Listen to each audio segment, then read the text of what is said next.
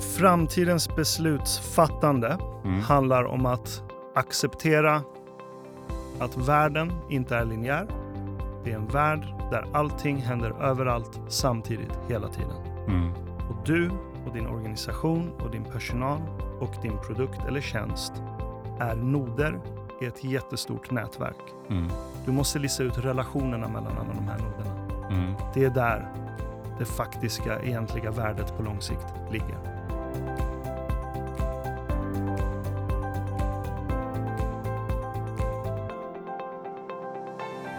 Välkommen till ett eh, nytt avsnitt av Konkurrenskraft. Podden där vi pratar om eh, framtidens beslutsfattande, verksamhetsstyrning och ledarskap. Jag som pratar heter Robin Askelöv och är CMO på Hypegen som ger ut den här podden. Och eh, Hypegen det är ett techbolag där vi brinner för just beslutsstöd och verksamhetsstyrning. I de här samtalen så vill vi testa nya vinklar på hur vi som beslutsfattare kan bli bättre rustade inför framtiden. Det gör vi genom att träffa intressanta människor med spännande erfarenheter och perspektiv. Och eh, den här gången har vi en riktigt spännande gäst som har en minst sagt varierad bakgrund. Och eh, som rubrik på honom kanske vi bäst kan använda begreppet techdebattör, tänker jag. Det handlar om eh, Ashkan Fardost. Varmt välkommen Ashkan, hur står det till? Tack Robin, tack. Jättekul att vara här. Vi pratade precis innan om hur jag skulle uttala ditt efternamn. Fick jag det rätt nu? Fardost, Fardost, det är lite varierande. det går bra. däromkring, däromkring. Varmt välkommen ska du vara. Tack. Eh, som sagt, din bakgrund den är minst sagt lite, lite varierad. Eh, du är doktor i organisk kemi, eh, har en bakgrund som framgångsrik musikproducent. Du är expert, flitigt anlitad föreläsare inom tech och digitalisering och eh, dessutom investerar i startups. Men sen är du också en i gänget som driver den ibland omtalade podden Den sista måltiden. när ni har väldigt öppna, frispråkiga samtal om samhället, politik och saker ni ser i omvärlden. Med, med de nedslagen, eh, täcker jag in dig eller missar jag något i den beskrivningen? Nej, men det här låter jättebra. Ja, perfekt. Vad, vi pratade lite om det innan också här, men vad, vad ägnar du mest tid åt på dagarna? För det är ju en ganska bred palett av aktiviteter. I- För tillfället så är det Sista måltiden och en eh, ny podd som jag har startat med Navid Modiri Mm. som heter Sagor från marginalen. Där vi Just det, pratar det är- om människa, teknik, samhälle, existens. Eh, Så de två sakerna sysslar jag väldigt mycket med. Och sen min bok som äntligen nu, efter många år av research, börjar ta form. Mm. Som handlar om just teknologins effekter på oss människor och hur det förändrar våra samhällen. Mm, spännande. Ja, kul. Och Navid som du nämner, det är ju samma Navid som har podden eh, Hur kan vi? Eller hur? Exakt. Just det. Ja, men spännande. Du, ehm, vi kommer att prata om massa saker. Det kommer framförallt handla om, om digitalisering, beteenden, människor, samhälle. Utmärkt. Eh, innan vi drar igång tänkte vi köra de obligatoriska frågorna. De kommer inte undan, de kör vi till, till alla. Eh, till att börja med, eh, när har du som, som roligast på jobbet? Och jobbet i ditt fall är ju en ganska, ganska bred rubrik då, tänker jag. Oavsett vilken av sakerna jag sysslar med så är det att hamna i ett state of flow.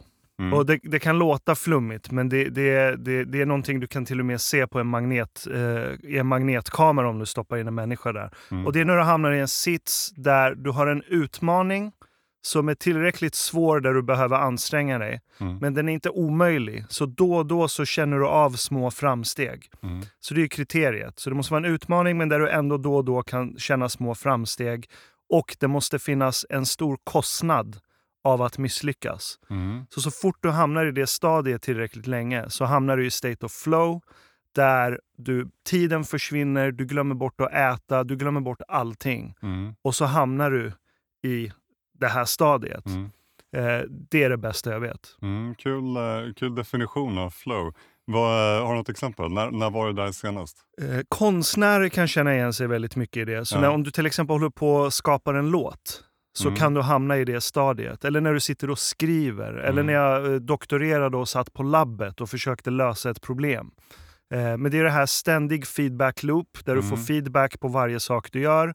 Det ska vara en utmaning men också ett stort pris om det misslyckas. Mm. Det är ju det vissa datorspel lyckas kapa. Det är ju det systemet de kapar i våra hjärnor. Just Det är det. därför vissa kan sitta i sju timmar i sträck Mm. och glömma bort allt annat.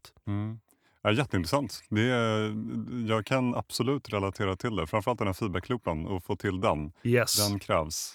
Det, Ja, det är nog den stora utmaningen. ja, intressant. Du, eh, som sagt, du gör många olika saker. Vad är du mest stolt över under det senaste året? Under det senaste året, Sista måltiden, som trots att det är en svensktalande podd så är den topp 30 i världen på Patreon. Mm. Eh, Så det är väldigt stort för oss. Det är jag Mm. väldigt, väldigt stolt över tillsammans med gänget eh, Mm. som eh, grundade det. Men också boken som nu börjar ta grund, Mm. som är egentligen en mediateori, ett ramverk för att förstå teknikens effekter på oss människor. Mm. Att den börjar nu ta form. Det är när, två saker jag är väldigt stolt över. Nu har grunden satt sig, så jag skulle gissa ungefär ett år för att få ut det i form av text som går att förstå också. Du, vad, vad hittar du din, eh, din inspiration? Genom att alltid sitta i rum där jag är dummast i huvudet. Lyckas du bra? Det vill jag påstå. Ja, ja, intressant. Är det liksom nå- någon form av tanke bakom sista måltiden också? Att du ska försöka omge dig med människor där? Som, som absolut, den absolut. För, för vi fem som sitter där Ja, eh, när vi spelar in, det är människor från helt olika bakgrunder. Helt Mm. olika livshistorier, eh, olika nationaliteter för den delen också, eh, men också olika expertisområden som alla kommer ifrån. jag tänker att vi kastar oss in i eh, ämnet för dagen eh, och pratar digitalisering bland annat. Jag såg en föreläsning där du delade upp digitaliseringen i, i tre komponenter. Du pratade om samhälle, människa och eh, teknik. Jag är väldigt nyfiken på det. Kan du, kan du berätta mer om det och varför den uppdelningen är viktig enligt dig? Absolut. Jag, jag gör den uppdelningen för att sen komma fram till poängen att själva uppdelningen är totalt fel.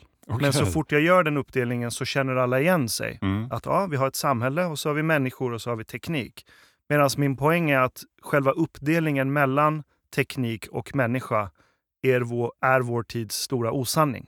Mm. Så, så fort du utgår ifrån den premissen så kommer du aldrig få en träffsäker analys på hur teknologi påverkar oss eller våra samhällen. Mm. Eh, som till exempel, bara ta ordet information. För det är ju centralt i all sorts teknologi vi interagerar Mm, med. mm. Information. Och vi pratar om informationsteknologi, vi pratar om informationssamhället. Om jag bara kastar frågan till dig. Vilka två ord består ordet information av? Jag brukar tycka att sådana här övningar är kul att dissekera orden. Eh, De brukar säga rätt mycket. Ja, men information, in, ja, det är ju såklart det, det är info, det skulle kunna vara transformation. Ja, det, det, det är ordet in och formation. Ja, just det, In- det är i formering, ja. Just det, Exakt. såklart. Helt I rätt. form. Ja. Det är det information är. Så, så fort någonting stöps om till att få en ny form för ett nytt ändamål så har det blivit informerat. Just det. Det är just det information Mm, betyder. Mm, Så ta till exempel en yxa som kan stöpa om en timmerstock till en, säg, kanot. Då har yxan informerat timmerstocken mm, till att bli kanoten. Där yxan är informationsmediet. Just det. Det är yxan som är intermediären mellan timmerstock och stol i det här fallet. Mm, Och så fort man börjar se begreppet information på det här sättet, att någonting stöps om i Mm. form till någonting, så märker man att vi är omringade av informationsmedier hela tiden. Dricksglaset framför dig informerar vätskan. Den Mm. stöper om vätskan till en ny form som innebär att den inte rinner ut till en pöl på bordet. ja. Spisen informerar mat till att anta en ny form som sparar energi i vår mag och tarmkanal. Mm, En bil informerar avståndet mellan mig och min destination till att bli kortare. mm, Så plötsligt märker vi att vi är omringade av informationsmedier.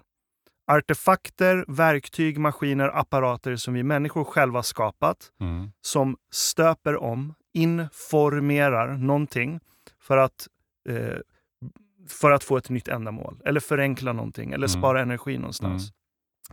Och Det fascinerande är att det finns inte ett enda människofynd, ett enda arkeologiskt människofynd, där en människa inte är i sällskap av ett informationsmedium. Till exempel, vi hittar något skelett någonstans mm, och märker att ah, det här är 3000 år gammalt.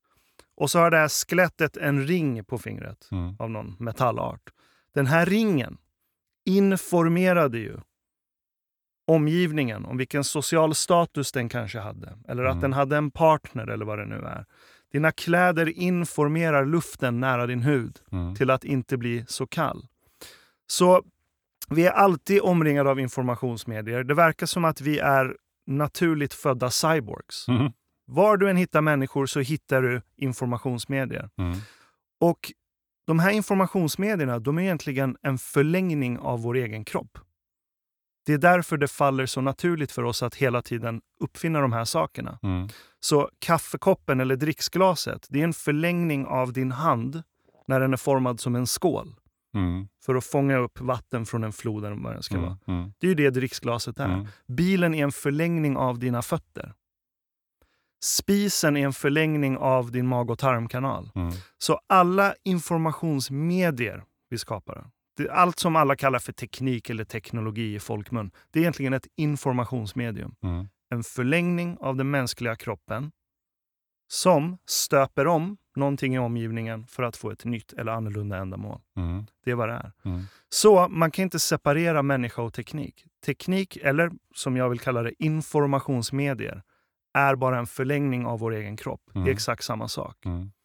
Men eftersom vi gör den här separationen så, och tror att tekniken är separat från oss människor, när vi analyserar vad tekniken eller vad informationsmedierna gör med oss, eh, så missar vi poängen. För om du köper min take här Mm. på att all teknik, teknologi, det är en förlängning av vår kropp som stöper om omgivningen. Mm. Och det är en förlängning av kroppen. Det betyder också att det är en förlängning av våra sinnen. Mm. Så till exempel, ta en tv-fjärrkontroll. Med tv-fjärrkontrollen så för, är det en förlängning av min arm och min hand. Mm. Så att jag slipper gå fram till tv-burken för Mm. att ändra kanaler eller vad det nu ska vara. Därför är det också en förlängning av mitt känselsinne. Och nu kommer vi till det som jag tycker är mest fascinerande. Det är att vår världsuppfattning är ju alltid en produkt av alla sinnesintryck vi får. Och hur hjärnan prioriterar olika sinnesintryck, det är ju en balans som är varsamt stöpt av många miljoner år av evolution. Mm. Men när vi gör en förlängning av kroppen så rubbar vi den här balansen. Den ändras.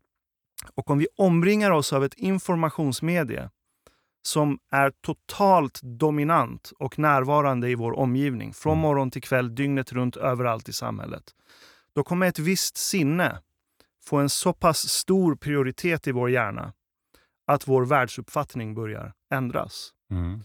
Och utifrån det så menar jag att vissa informationsmedier är den direkta orsaken till att samhällsstrukturen, maktbalansen och näringslivet antar en helt ny form. Mm. Så genom att studera informationsmedier kan vi också studera hur våra samhällen förändras Mm. och hur våra verklighetsuppfattningar förändras.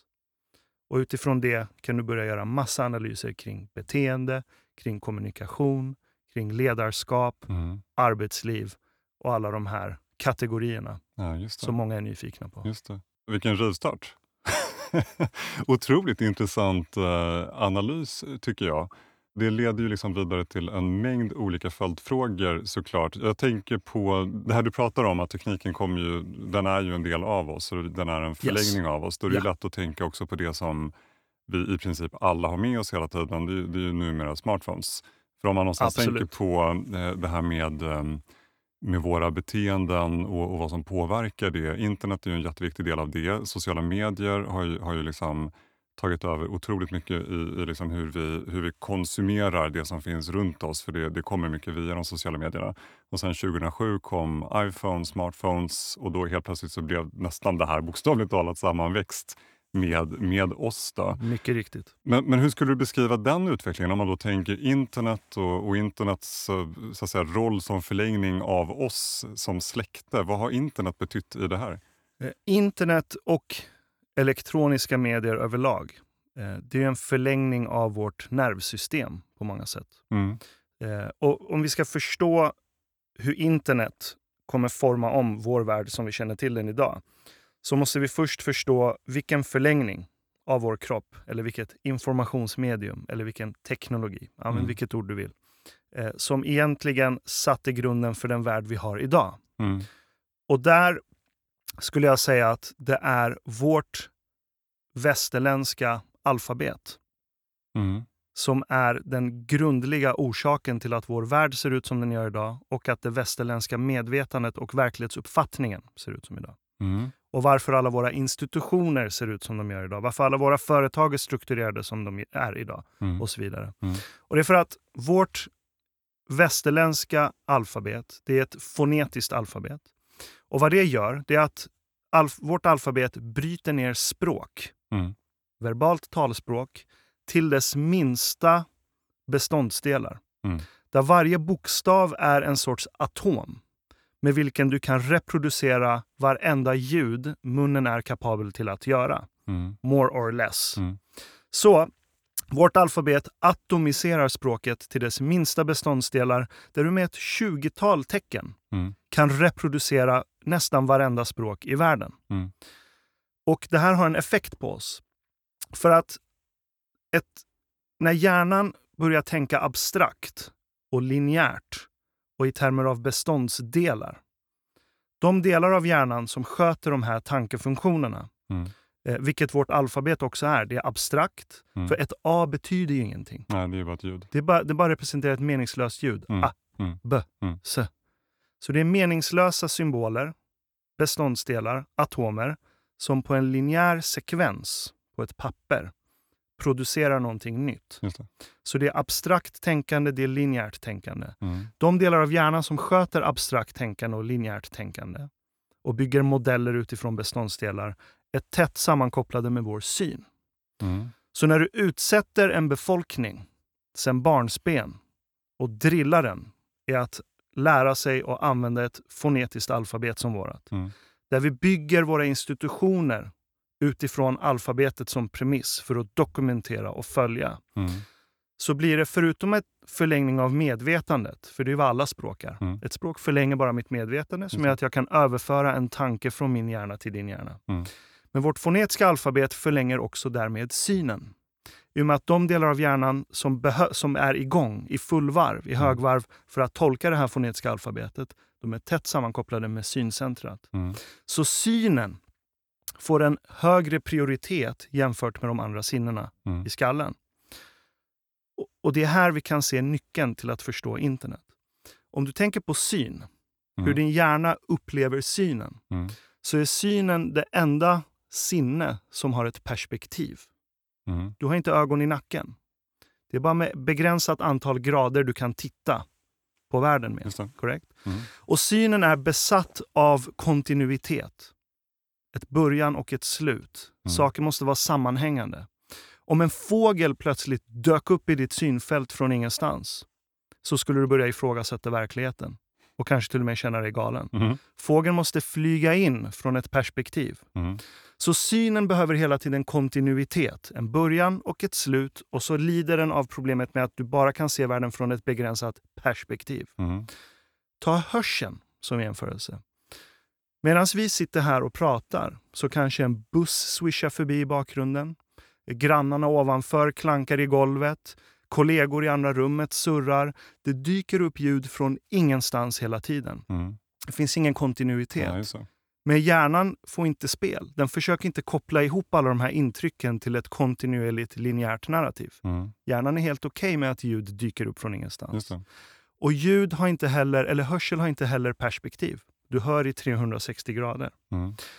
Men när synen, som ett resultat av vårt fonetiska alfabet, får ökad prioritet så ändras vår världsuppfattning till att hela tiden leta efter kontinuitet och linjäritet. Mm. Allt som inte är kontinuerligt och linjärt för, förkastar vi, som Mm. att det här är inte är värdefull information. Mm. Och så tänker vi vilken världsbild västerlänningen har haft fram till modern tid. Idén om atomen som beståndsdel i universum kommer från en kultur som Mm. har drillats i ett fonetiskt alfabet som atomiserar språk till dess beståndsdelar. Mm. Idén om kosmos som ett linjärt, sekventiellt mekaniskt klockverk, Newton, Mm. kommer från en kultur som har drillats i ett, språk, i ett alfabet som atomiserar språket i en linjär mekanisk sekvens. Massproduktion, fabriken, bygger också på konceptet att du har små beståndsdelar som du lägger upp i en linjär sekvens som bygger någonting större i slutet av rullbandet. Mm. Så alla idéer som västvärlden bygger på är sprungna ur samma koncept som vårt alfabet är byggt på. Mm. Till och med koncept som geometri. Det är ju beståndsdelar som kan bygga upp all sorts rymd. Mm. Logik. Det är beståndsdelar som i en linjär sekvens producerar all sorts sanning. Mm. Två koncept som modern vetenskap bygger på för den delen. Det. Så hela västvärldens världsuppfattning bygger på linjäritet, atomisering, beståndsdelar. Mm. Där allting måste ha kontinuitet. Och det är så våra institutioner är uppbyggda.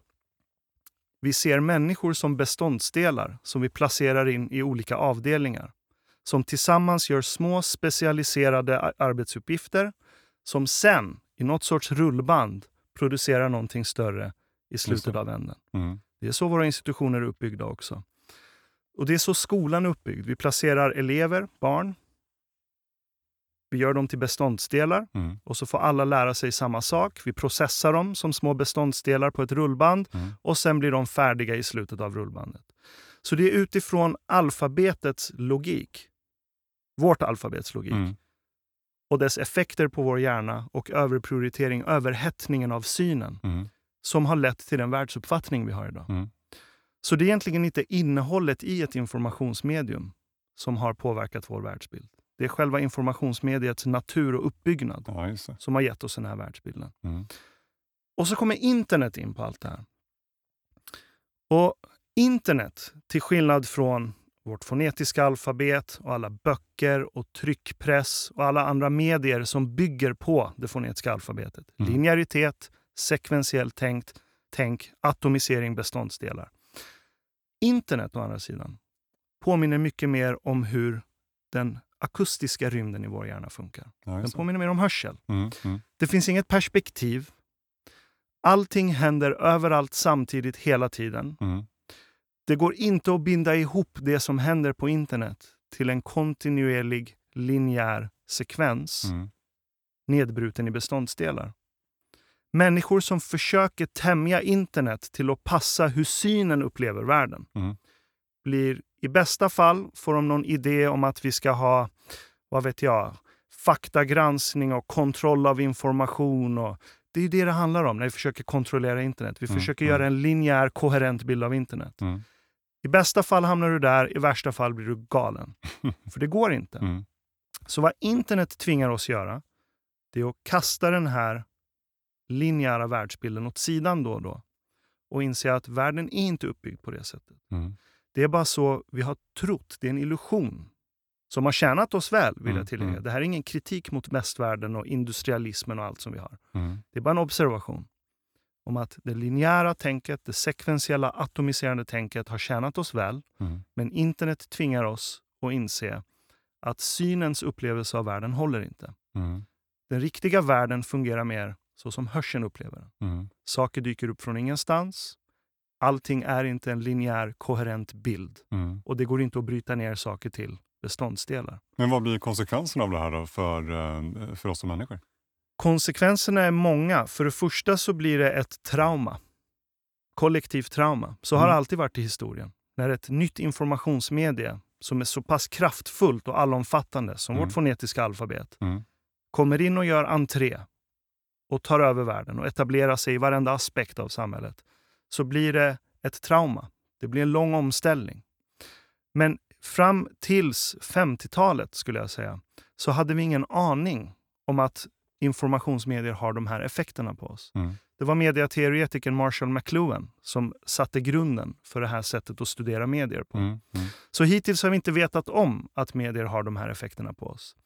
Eh, men oavsett så kommer det leda till ett trauma. För jag menar, både du och jag är ändå stöpta i en miljö eh, som bygger på den fonetiska världsbilden. Mm. Linjärt tänk, atomisering, beståndsdelar, rullband. Mm. Och så kommer vi i kontakt med internet. Eh, Så konsekvensen på ett övergripande plan, det är en massiv kulturkrock. Mm. Det är det du ser med till exempel ett företag som anställer så kallade Generation Z. Mm. Många av de människorna som är födda post-internet, efter år 2000 eller någonting sånt, eh, de är dels drillade i ett fonetiskt alfabet, Mm. men deras världsbild är också marinerad av internet. Där allting händer överallt samtidigt hela tiden. Ja, de är finns- mer digital natives. Precis, det vi kallar för digital natives. Mm. Det är människor som inte har en lika överprioriterad syn, Mm. utan hörseln, sättet hörseln fungerar på, simultanitet, Mm. komplexitet. För dem är det mycket mer naturligt. Mm. Men när de kommer till ett företag, eller vilken institution som helst för den delen, som är strikt uppbyggt efter det här atomiserande linjära sättet att se på världen, Mm. Så blir det en kulturkrock för dem. Det blir en kulturkrock mellan dem och de andra anställda och chefen och organisationen. Mm. Eh, så det är därför många från Gen Z blir utbrända efter ett två år. Mm. De sitter med en helt annan verklighetsuppfattning. Mm. Och så finns det ingen kommunikation mellan de här två kulturerna. Det. Så det blir en intern kulturkrock inuti en och samma organisation eller ett och samma land. Men om vi då tar eh, en, en ryss med kyrilliska alfabetet eller en, en, eh, en person som kommer från det kinesiska skriftspråket och Yes. så säger vi att den har, liksom, den har växt upp med, eh, vi tar, vi tar en kines, Mm.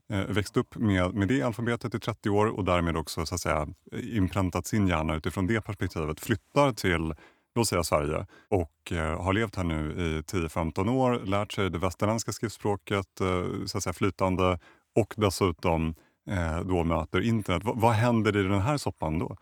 Korrekt. Så, eh, först är det värt att tillägga också att eh, kineserna har sedan 70-talet uppfunnit ett, en fonetisk variant av sitt eget alfabet för att kunna ha tangentbord och interagera med datorer. Sant. Tidigare har det ju varit mer symboler. Precis. Just det. Så symbolerna, klassisk mandarin till exempel, Mm, fungerar på ett helt annat sätt mm, än vårt alfabet. Eh, Symbolen för ärlighet till exempel, det är en man som står bredvid en bok. just det. A man of his word. Mm, mm, Och Det kan också betyda integritet. Det kan betyda trovärdighet. mm, Så när du tolkar kinesisk mandarin så måste du hela tiden tänka på kontext och relationer för att kunna tyda symbolerna. Mm, Så det påverkar ju din hjärna på ett helt annat sätt. Och det kan du se i studier idag till exempel. Om jag visar ett speciellt filmklipp för en västerlänning där det är någonting i förgrunden som håller på med något och så finns det en bakgrund, typ en fisk som simmar i ett akvarie. mm, Och så får den titta på det här filmklippet i 30 sekunder. Så kommer västerlänningen komma ihåg massa information om det som var i förgrunden. mm, Medan en typisk asiatisk person som inte har en lika långtgående kultur med att drilla sig ett fonetiskt alfabet, den kommer ha mycket mer information om relationerna mellan objekten i det här filmklippet. mm, Så jag skulle säga att en person som inte har drillats i det fonetiska alfabetet lika mycket som oss kommer ha en mycket bekvämare tid i ett medium som internet. mm, För den kommer inte vara lika frustrerande. Men eh, om du tar Ryssland som exempel. Visst, de har ett alfabet som påminner mer om vårat, men de Mm. har inte lika långtgående kultur bakåt i tiden. Där du drillat hela populationen i fonetiskt alfabet.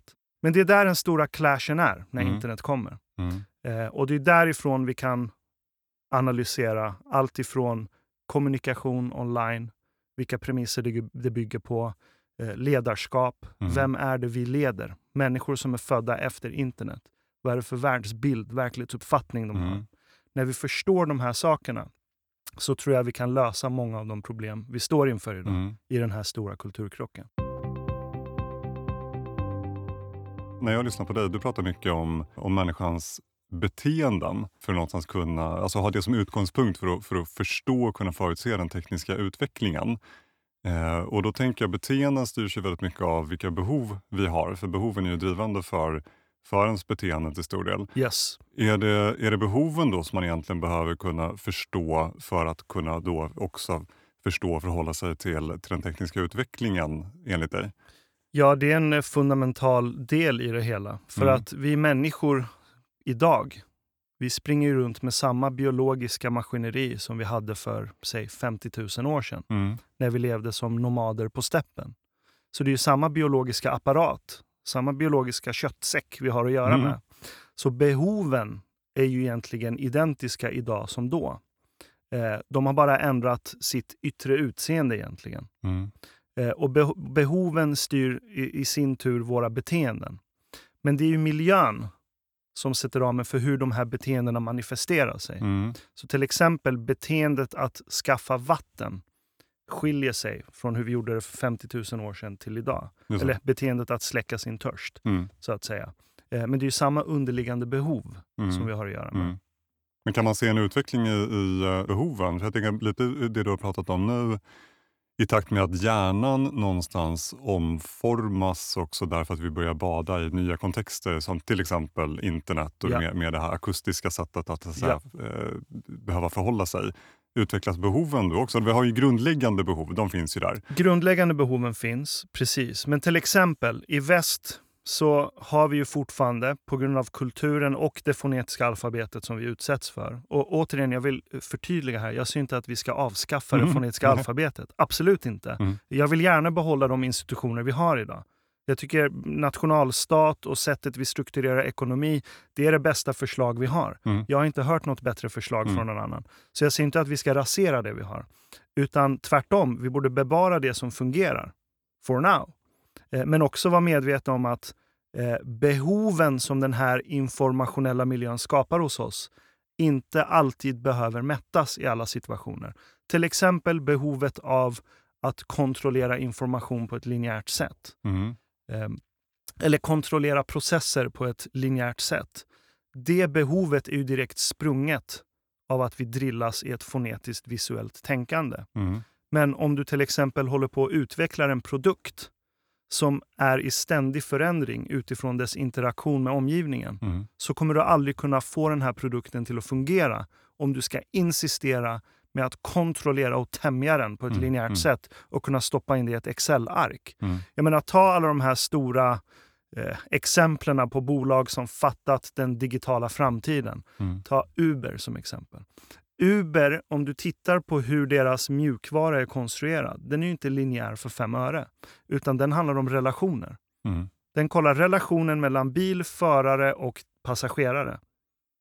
Och den här relationen ändras ju hela tiden. Det. För din position med GPSen förändras och bilens position förändras. Mm. Så den, det går inte att bygga Uber med ett linjärt tänk. Mm. Utan du måste stoppa in alla datapunkterna i en grafdatabas istället. Mm. Som visar relationerna och den kortaste sträckan mellan två noder i den grafdatabasen. Mm. Så grafdatabasen är en mycket bättre symbol och representation av en värld som är djupt marinerad i internet. Mm. Ett medium i vilken allting händer överallt samtidigt hela tiden. Ja, just det. Netflix, samma sak. En grafdatabas på människor deras, och deras relationer till skådespelare, genrer, filmer etc. Mm. Och utifrån de här relationerna så kan de få helt nya insikter än om de hade konstruerat Netflix som en linjär produkt. Just det. Tesla, själva bilen, produceras fortfarande på en linjär fabrik. Mm. Det är i slutändan ett fysiskt, en fysisk produkt till Mm, stor del. mm. Right? Och den ska massproduceras. Då är den linjära fabriken alldeles utmärkt. Numera dock nästan helt automatiserad, Mm. men ändå. Men när bilen rullar ut ur fabriken så skickar alla Tesla-bilar i hela Teslas flotta konstant data Mm. till deras datacenter. Och där har de igen grafdatabas. Just det. Och utifrån insikterna de får från det här datat så kan de hela tiden utveckla bilen utifrån vad den faktiskt gör ute i verkligheten. Mm. Så det är också en icke-linjär produkt i många, eh, på, på många sätt. Den Mm. fortsätter att utvecklas efter att den har lämnat fabriken. Just det. Just det. Ja, precis. Det man skulle kunna säga där är ju då att eh, de här företagen finns ju inte därför att internet tillåter dem att finnas utan till stor del handlar det om att konstruktionen finns därför att man har börjat tänka på ett annat sätt Ja. på grund av internet. Och, och vi kanske inte gör det medvetet. Mm. Eh, och det är ju det vi brukar säga att det här personen är en, ett geni. Mm. För att den intuitivt fattat att det är så här den här produkten måste byggas. Exakt. Eh, Men jag skulle säga att den underliggande anledningen är just för att det informationsmedier världen vilar på idag, Mm. internet, Mm. är akustiskt. Allting händer överallt samtidigt hela tiden. Mm. Om din produkt inte kan reflektera det, i olika mån, det beror på vilken produkt du producerar såklart, Mm. Men i viss mån måste den hela tiden reflektera en akustisk universum. Allting händer överallt samtidigt hela tiden. Det. Det är en kritisk nyckel, som jag ser det, Mm. eh, till att kunna få den här produkten att blomstra. Mm. I kombination med hur du styr organisationen. Mm. Att vara medveten om att det finns människor med en fonetisk världsbild här och människor med en digital eller akustisk Just det. världsbild. Och Jag den här tänker- kulturkrocken Ja. måste vi vara medvetna om hela tiden. Ja, och jag tänker att här finns det ju en garanterat en koppling till vad som utgör en framgångsrik eller mindre framgångsrik digitalisering. Men, men för, för att landa där så tänker jag, för, för jag, jag vet när jag lyssnar på dig också, du, du gör ju en poäng av att skilja på digitisering och digitalisering. Yes. Och digitisering det är ett begrepp som man använder inte det så ofta, i alla fall inte den svenska begreppsapparaten. Kan du bara berätta kort för, för att börja där, varför är den här uppdelningen viktig? Så, så det här gick jag och försökte missionera på varenda ställe och varenda scen jag fick tillgång till fram till pandemin. Mm, Att det finns digitisering och det är att ta en analog process och göra om det till ettor och nollor. mm, Du gör om en papperslapp till en pdf eller vad det nu ska vara. mm, Eller stoppar in ett skeende i en Excel-ark. Du kan digitisera väldigt mycket väldigt enkelt. Det är en sak.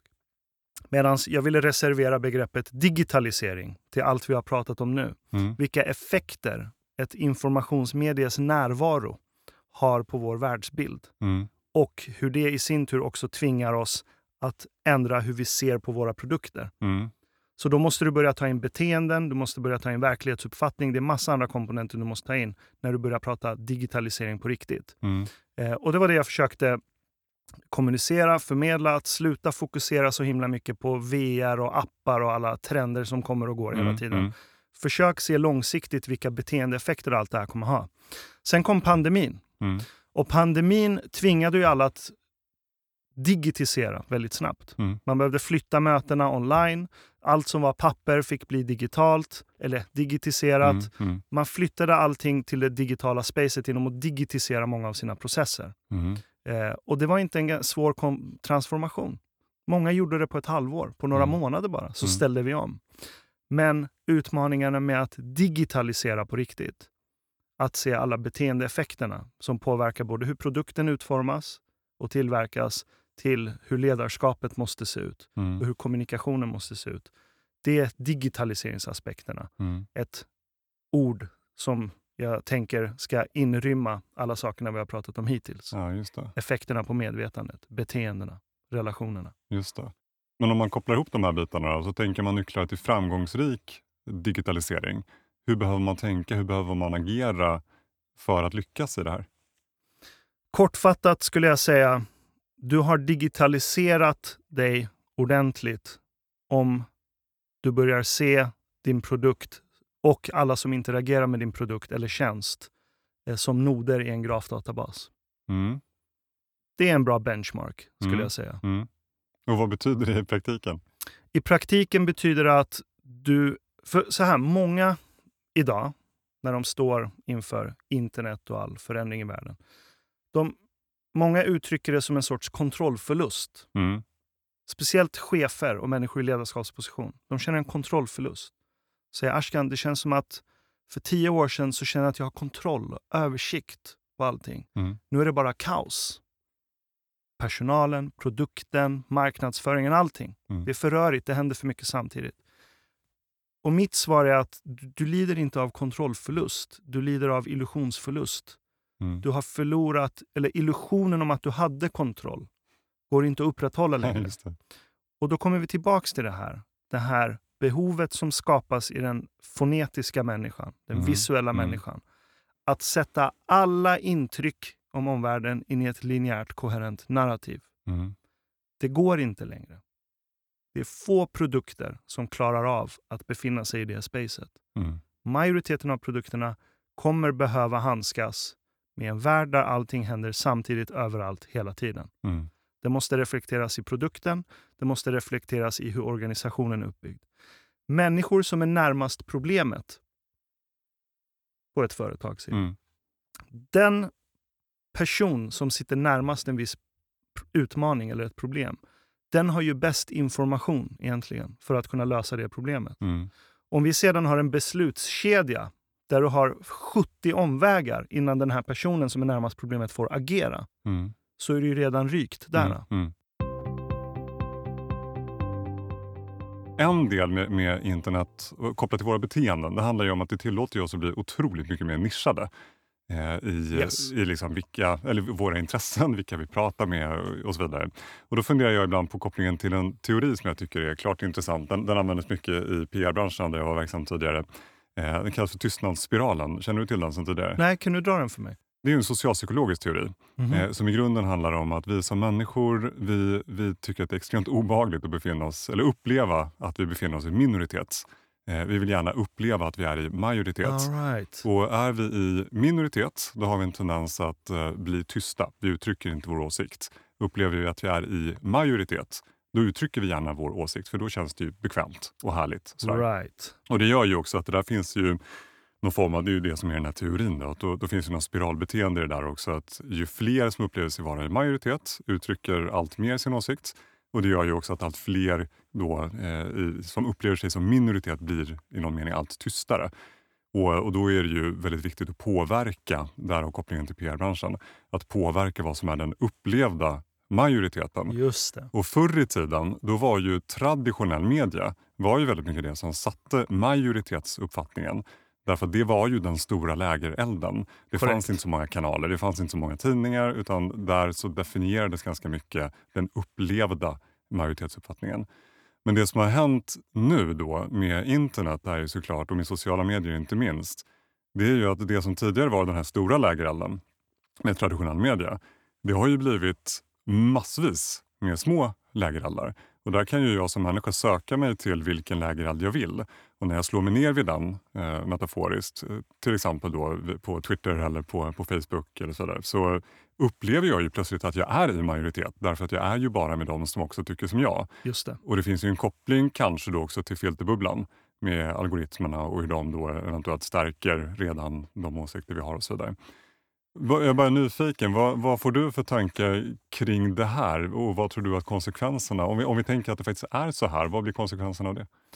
Eh, Jag skulle säga att det definitivt är så här. Mm, Eh, Och det är för att ett, ett, ett informationsmedium som kräver en specialist mm, för att hantera mediet, det kommer alltid leda till centralisering. mm, För att ett informationsmedium som kräver specialister kommer alltid leda till, leda till att det kommer finnas ett kast i samhället, mm, de så kallade lärda, som får förvalta det här informationsmediet. mm, Och det kommer alltid leda till centralisering.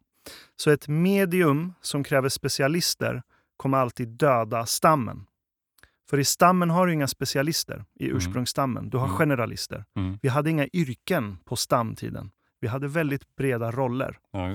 Men sen att vi uppfann skrift, fonetiska alfabetet och tryckpressen där du kan massdistribuera information Mm, så har du hela tiden haft ett övre kast i samhället som har kunnat kontrollera informationsdistributionen. mm, Så medan tryckpressen gjorde, och vårt fonetiska alfabet som är väldigt lätt att lära sig för den delen. Du kan lära dig det på några timmar, det är mm, inte så svårt. mm, Eh, alla kunde läsa och skriva efter att tryckpressen kom. För att tryckpressen drog ner priset på böcker från 150 000 euro i dagens pengar till eh, 5 kronor. okej, Så ja. även fattiga människor på 1600-1700-talet hade Mm. råd med en bok, en massproducerad bok. Som är den första massproducerade produkten by the way. Mm, Så läskunnighet, efterfrågan på läskunnighet exploderade. Men det var fortfarande få som kunde massdistribuera information. mm, Så det var de som satt på tryckpressarna som blev det nya lärda kastet. Eh, som sen utvecklades till tv och radio Mm, och alla tryckmagasin som vi publicerar. Eh, och de flesta sitter ju inte på en radiostation eller tv-station. mm, Så massmedia är ett specialistmedium. Det krävs mycket kapital och specialistkompetens mm, för att kunna tämja en tv-station, radiostation, Mm, tryckpress.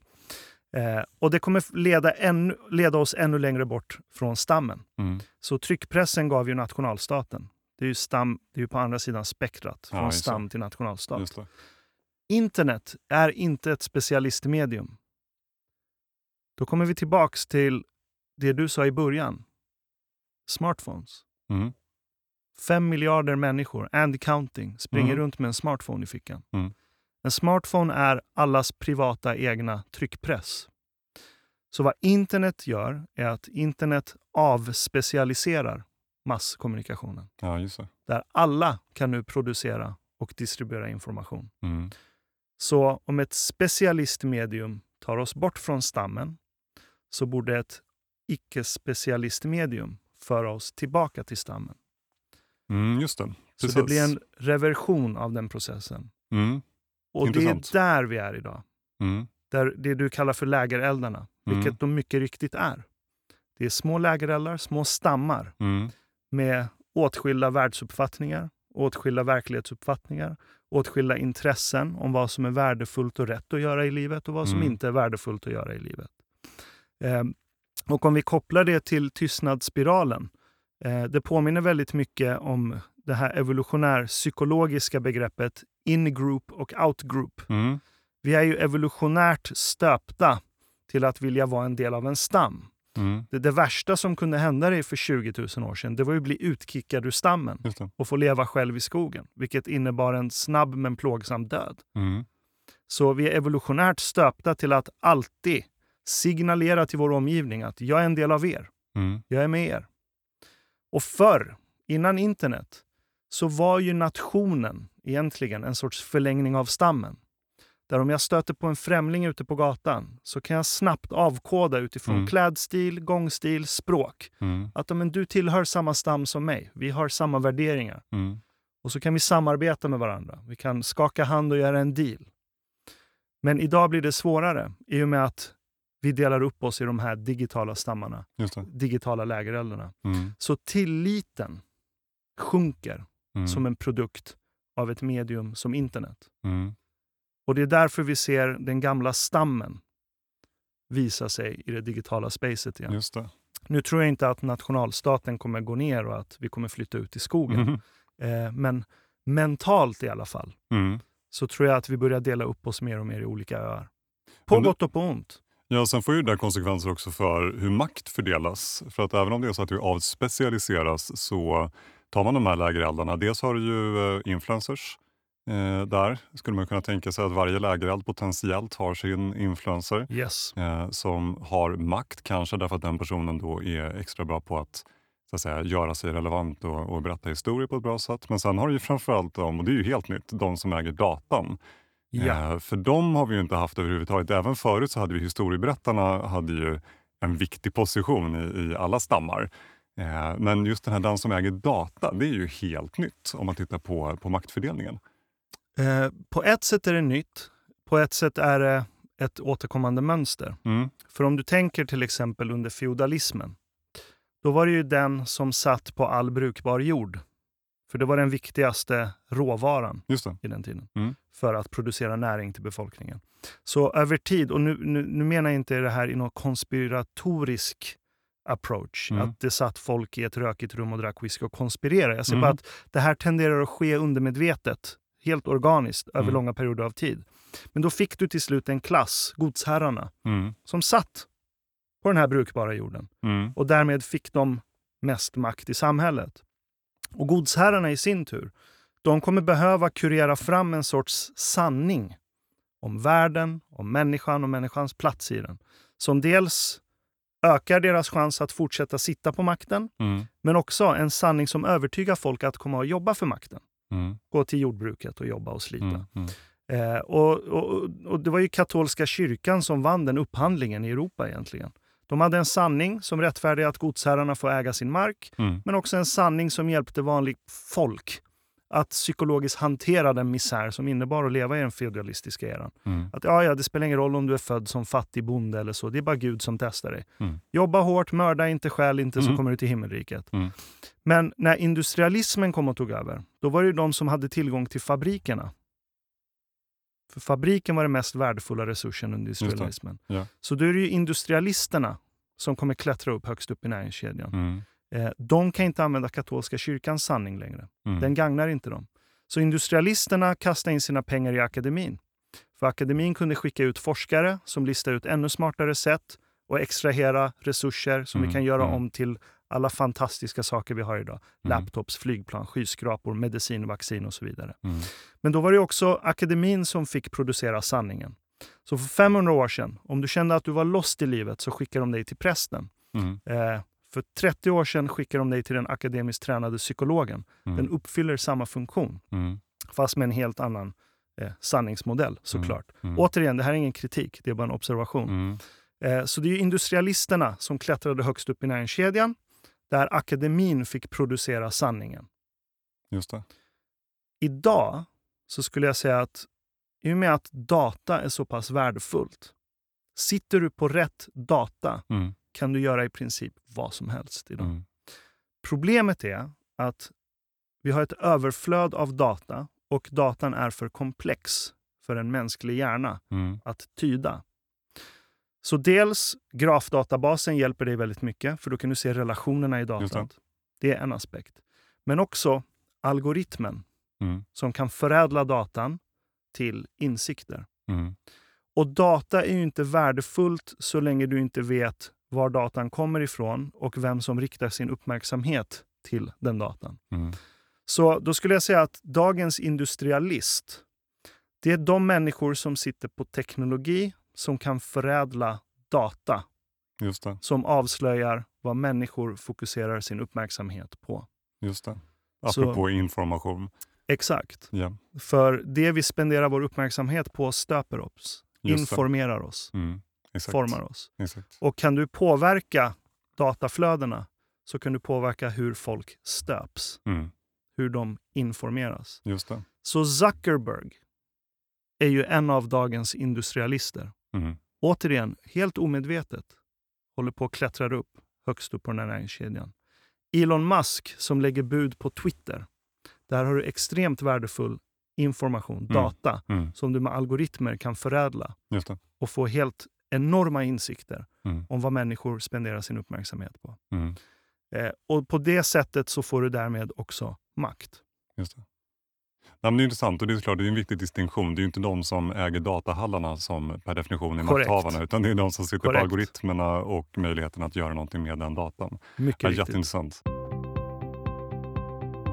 Jag har ju tusen följdfrågor och eh, inte bara följdfrågor. Jag, har ytterligare ämnen som jag egentligen skulle vilja gräva ner mig i och få, få dina tankar kring. Men, men vi kommer behöva börja avrunda. All right. Eh, så att jag, jag kastar mig in i lite avslutande frågor som vi också ställer till alla gäster som har lite bäring på rubriken på podden. Mm. Eh, framtidens beslutsfattande, verksamhetsstyrning och ledarskap.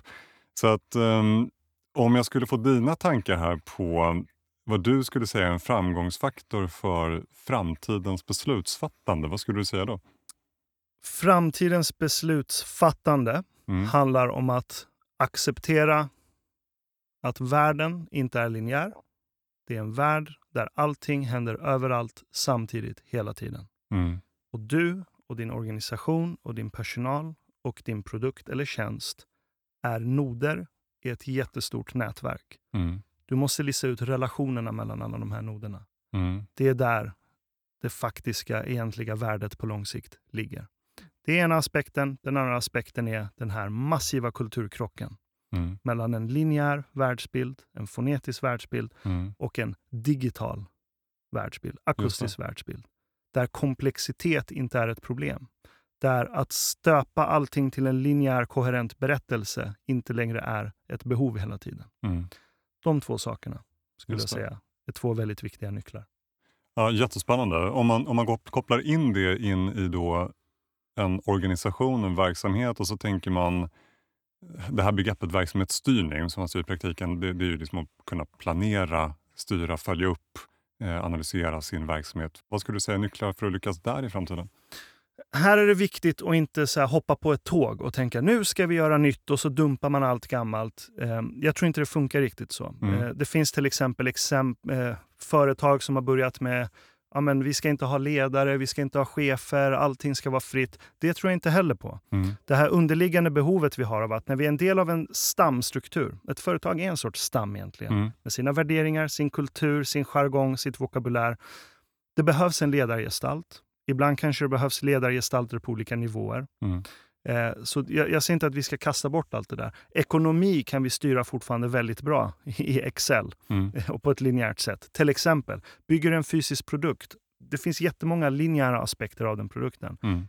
Jag säger inte att vi ska rasera allting, men att vi sakta men säkert börjar acceptera vilka aspekter av vår organisation mår bättre och blomstrar mer Mm. om vi släpper illusionen av kontroll. Och så testar du dig fram Mm. Och börjar släppa kontroll Ja, i små portioner det. Mm. för att se vart det behövs ett linjärt tänk Mm. och vart det behövs ett komplext, kaotiskt, akustiskt, allting händer överallt samtidigt hela tiden, Mm. tänk. Mm. Men vi måste testa oss fram. Mm. Jag tror inte på nycklar och recept och böcker som säger så här gjorde de här företagen och så kan man copy-pasta det. Nej, nej, nej. Varje företag är en väldigt unik sammansättning av medvetanden. Mm. Du kan inte copy-pasta kultur. Den Nej, måste experimenteras fram. Och mitt i det här står, eh, står ledaren, du nämnde ledaren nyss. Eh, om man tänker nyckeln till framtidens ledarskap, det är ju inte helt okomplicerat utifrån det du Absolut berättar nu. Vad skulle du säga där? Det är det, jag är inte en ledarfigur. Eh, Jag har aldrig varit chef. Jag har aldrig lett en organisation. Mm, Så jag skulle aldrig ge mig in och säga så här bör du göra. mm, Vad jag kan säga är att om vi observerar människans historia och hur det är en produkt, eller våra samhällen och våra strukturer och institutioner och Mm. näringsliv är produkten av vårt medvetande och dens världsuppfattning, så kan jag säga att skiftet vi står inför nu, som vi kallar för internet, leder till den här kulturkrocken mm, och den gamla visuella världen som möter en akustisk, komplex, kaotisk värld. mm, Så jag kan bara lägga upp scenariot. Mm. Eh, hur du som ledare sen ska anamma det här eh, vill jag inte låtsas som att jag vet. mm, Men vad jag kan säga är att revolutioner funkar aldrig. Det blir bara kaos. Eh, men det finns ett värde i att börja experimentera sig fram mm, och testa. Vilka aspekter av produkten, personalen, organisationen kan vi applicera ett akustiskt tänk på? mm. Där personen som är närmast utmaningen får egen agens att försöka ta sig an Just det här det. problemet och lösa det. Mm. Och så får man testa sig fram. Mm. Alltså Ashkan, det här har varit ett uh, otroligt intressant samtal. Tack så jättemycket Tack för, att, du jag ville fick med. vara här. Tackar. Ja, kul. Och eh, alla ni som lyssnar, jag brukar alltid försöka tipsa om bra läsning. Och eh, eftersom vi idag har pratat mycket om eh, det här, eh, ja, egentligen ett ganska annat sätt att tänka, så vill jag ändå tipsa om boken Non-Obvious Megatrends, How to see what others miss and predict the future av Rohit eh, Bhargava. I den går han igenom hur du kan arbeta för att bli en bättre trendspanare, men då med fokus på det som andra vanligtvis inte ser. Och eh, Han ger också exempel på sådana trender i den här boken och du kan använda dig av det i ditt företag. Så det, det är spännande läsning kan jag utlova. Sen så lägger jag ut titeln på den här boken i avsnittets beskrivning och jag tycker som vanligt att du ska gå in på hypegen.se. Där hittar du allt ifrån en mängd bloggartiklar, rapporter, webinars, föreläsningar, allt kretsar kring beslutsstöd och verksamhetsstyrning som ju alltså är det som vi och vår produkt handlar om. Och slutligen, glöm inte att prenumerera på podden. Många spännande gäster kommer framåt. Och eh, med det så tänker jag att vi rundar av det här avsnittet. Eh, tack till alla er som har lyssnat. Återigen tack till dig Ashkan och eh, på återhörande.